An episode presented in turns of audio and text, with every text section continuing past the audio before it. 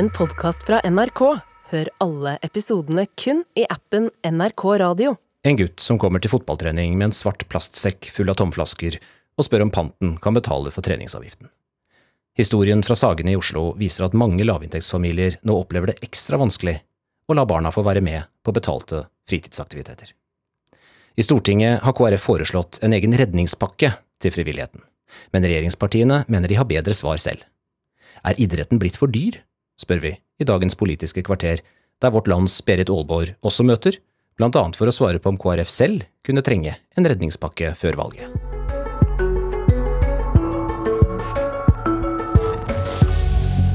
Ja, flere medier har beskrevet hvordan lag og foreninger nå sliter med å holde på barna. Prisvekst og økte utgifter gjør at mange familier må prioritere hardt. Og på toppen kommer strømprisen som treffer mange av klubbene direkte. Velkommen til Politisk kvarter, Kjell Ingolf Ropstad. Du og KrF har bedt regjeringa legge fram en redningspakke i milliardklassen til frivilligheten. Hva består denne redningspakken i? Det er jo en ekstremt alvorlig situasjon, i den forstand at eh, det er 115 000 barn barn som vokser opp i vedvarende lavinntekt, det vet vi fra før. Så er det som du sier, en høy prisvekst eh, som, som preger mange flere enn bare de som har vært under den kan kalle det fattigdomsgrensa. da, Så flere hundre tusen familier er jo en veldig vanskelig situasjon. Eh, og Det melder idretten veldig, og, og annen frivillighet veldig tydelig fra om. En, en, en faller fra. Så Vi har egentlig fremma et forslag om det er tre tiltak. Det første gjenger bare på tilskudd for at de skal kunne hjelpe flere med å betale kontingentene. Det andre er strømprisen. Eh, nå dekkes det 90% over 70 øre fram til april. Så trappes den ned til 80% og så forsvinner det helt fra sommeren av. Det er uholdbart og uforutsigbart for frivilligheten. Jeg besøkte Vågsbygd tidligere denne uka. De, eh, Turdenforening. De, de, hadde strømregning på 600 000 og fikk dekka 37 000, altså 6-7 av regninga si. Og Det siste tiltaket som eh, vi fremmer, det er litt mer langsiktig. Det er fritidskortet, som betyr 2500 kroner til hvert barn mellom 6 og 18 år, som de sjøl kan disponere. Eh, og Da må det settes i gang et system, så det vil ikke redde situasjonen i vår, men forhåpentligvis kan det komme i gang fra høsten, eller iallfall fra neste år av. Men i det alternative budsjettet deres så, så var grensa satt på 2000 kroner, vel, og, og, det skulle koste 850 millioner kroner eh, halv, med halvårseffekt. Altså 1,7 milliarder kroner i årlig eh, kostnad. Hva er totalprisen på denne pakka dere nå legger eh, fram?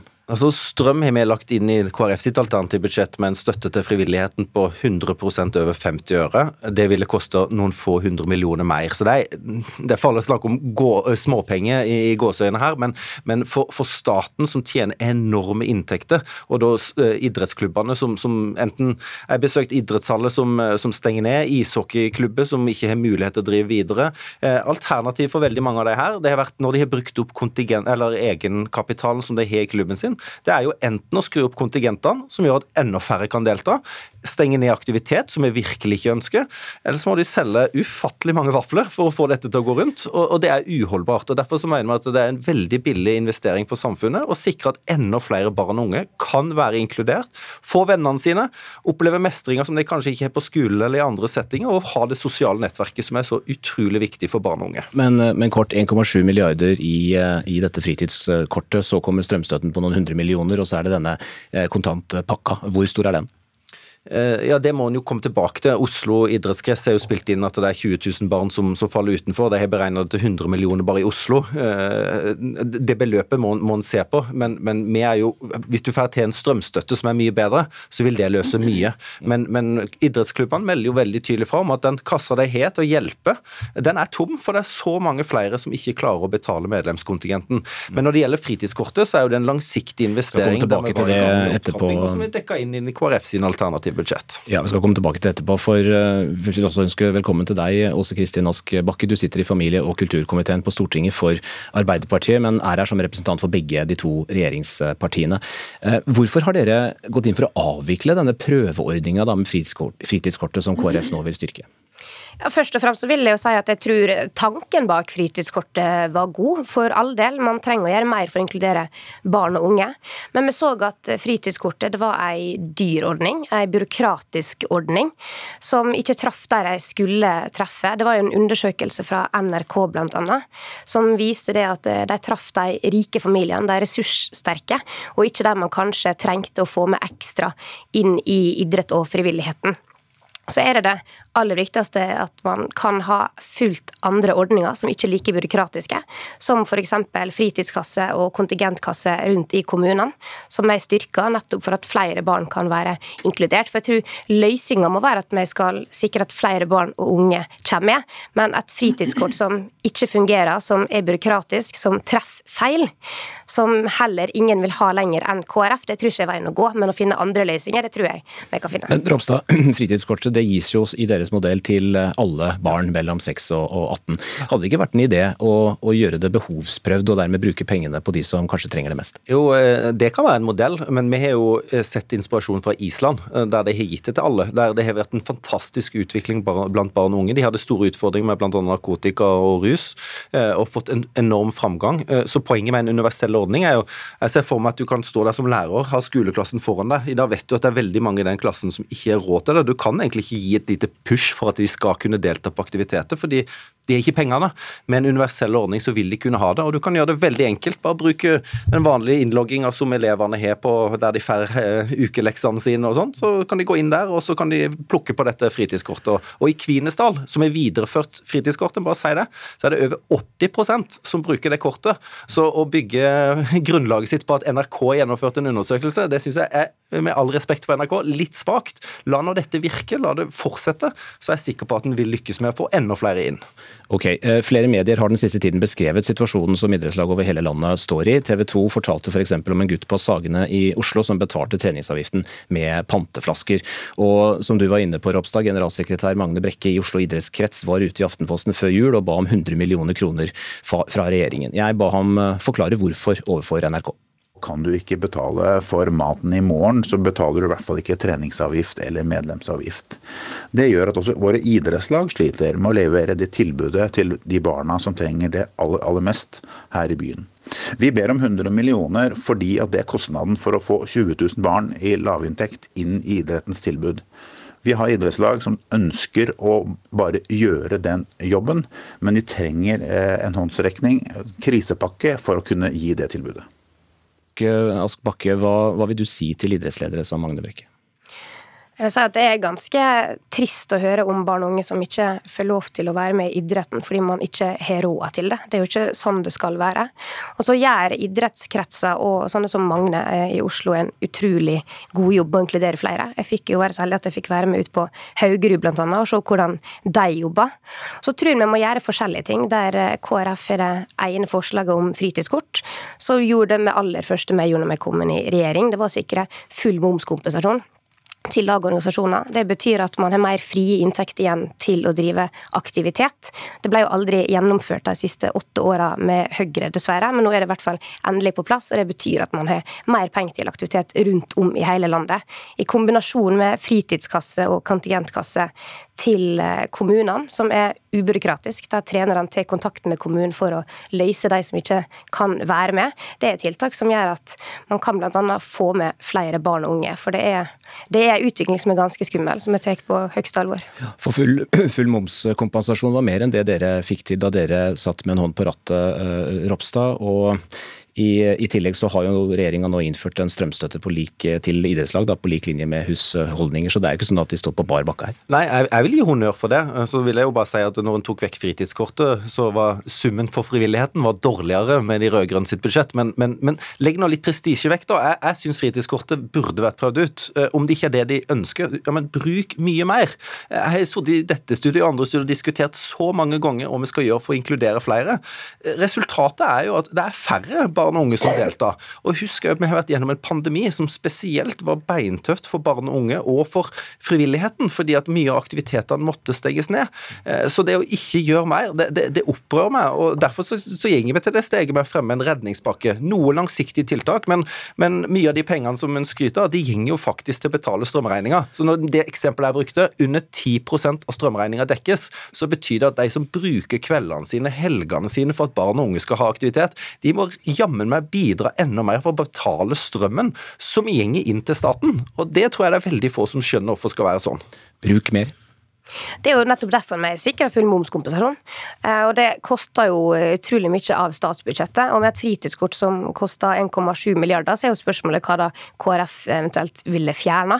Men med en strømstøtte som kom på plass ganske fort, som er like god som husholdningene og vil være det i ganske lang tid framover, så betyr det at da sitter man igjen med mer penger til å bruke på aktiviteter for barn og unge. Og så har vi gjort andre grep òg, som blant annet å bruke mer penger på utstyrssentraler, som BUA, som gjør at utstyrspresset går ned. Man får flere muligheter til å være med, istedenfor å bruke penger på dyrt utstyr, som òg er en del av den pakka for at flere barn og unge skal få være med. Eh, avslutningsvis, Hva med idretten selv? I 2020 så ble kostnadsnivået kartlagt i 13 ulike idretter, og den viste at i snitt koster 3600 kroner for en niåring i året og 9600 kroner for en 15-åring å være aktiv i idrett. Hva slags ansvar har klubbene sjøl for å begrense denne kostnadsveksten? Jeg vil si at det er et stort ansvar, eh, og, og der er jeg glad for at sånn jeg har sett signal fra Trettebergstuen tidligere, så har jeg vært veldig tydelig ute og sagt at idretten må passe på at eh, prisene ikke går opp.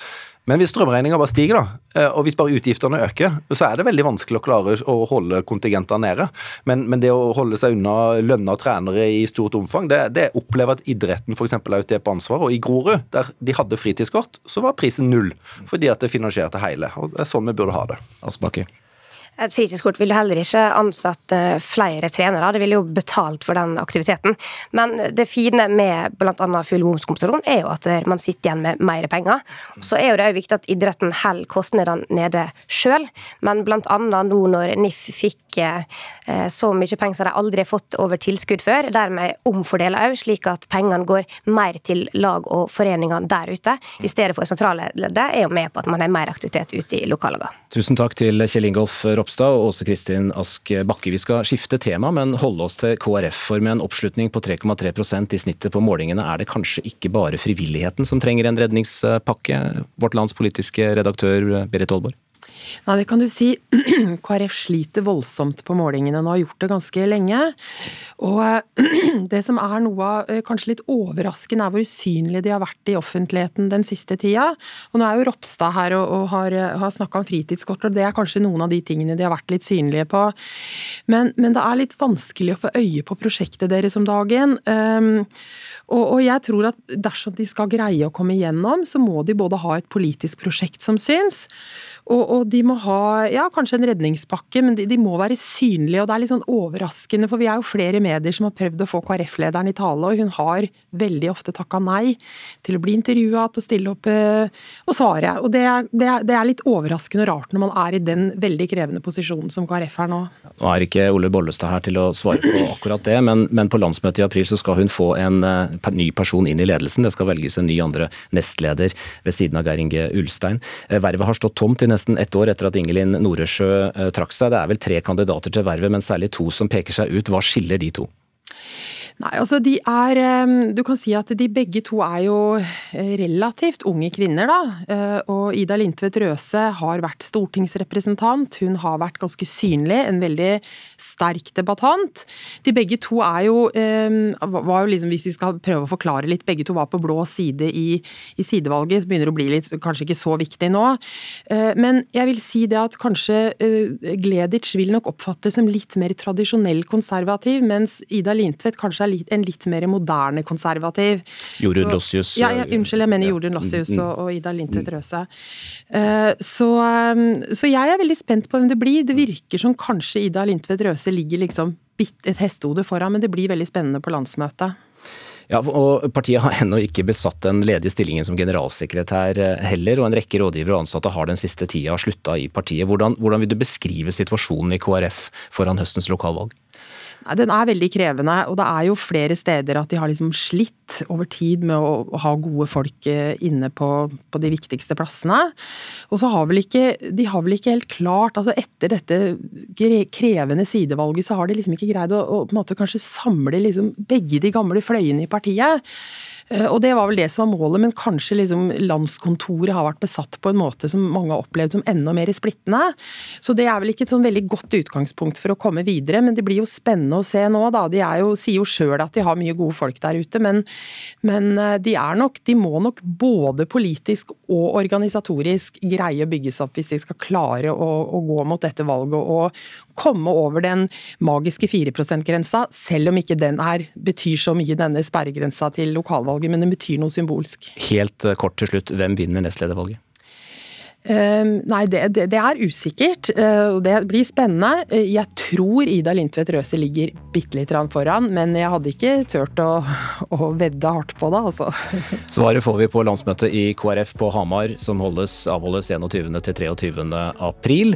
Eh, takk til deg, Berit Aalborg, og god fredag. Dette var Politisk kvarter. Mitt navn er Mats Rønning. Du har hørt en podkast fra NRK. Hør alle episodene kun i appen NRK Radio.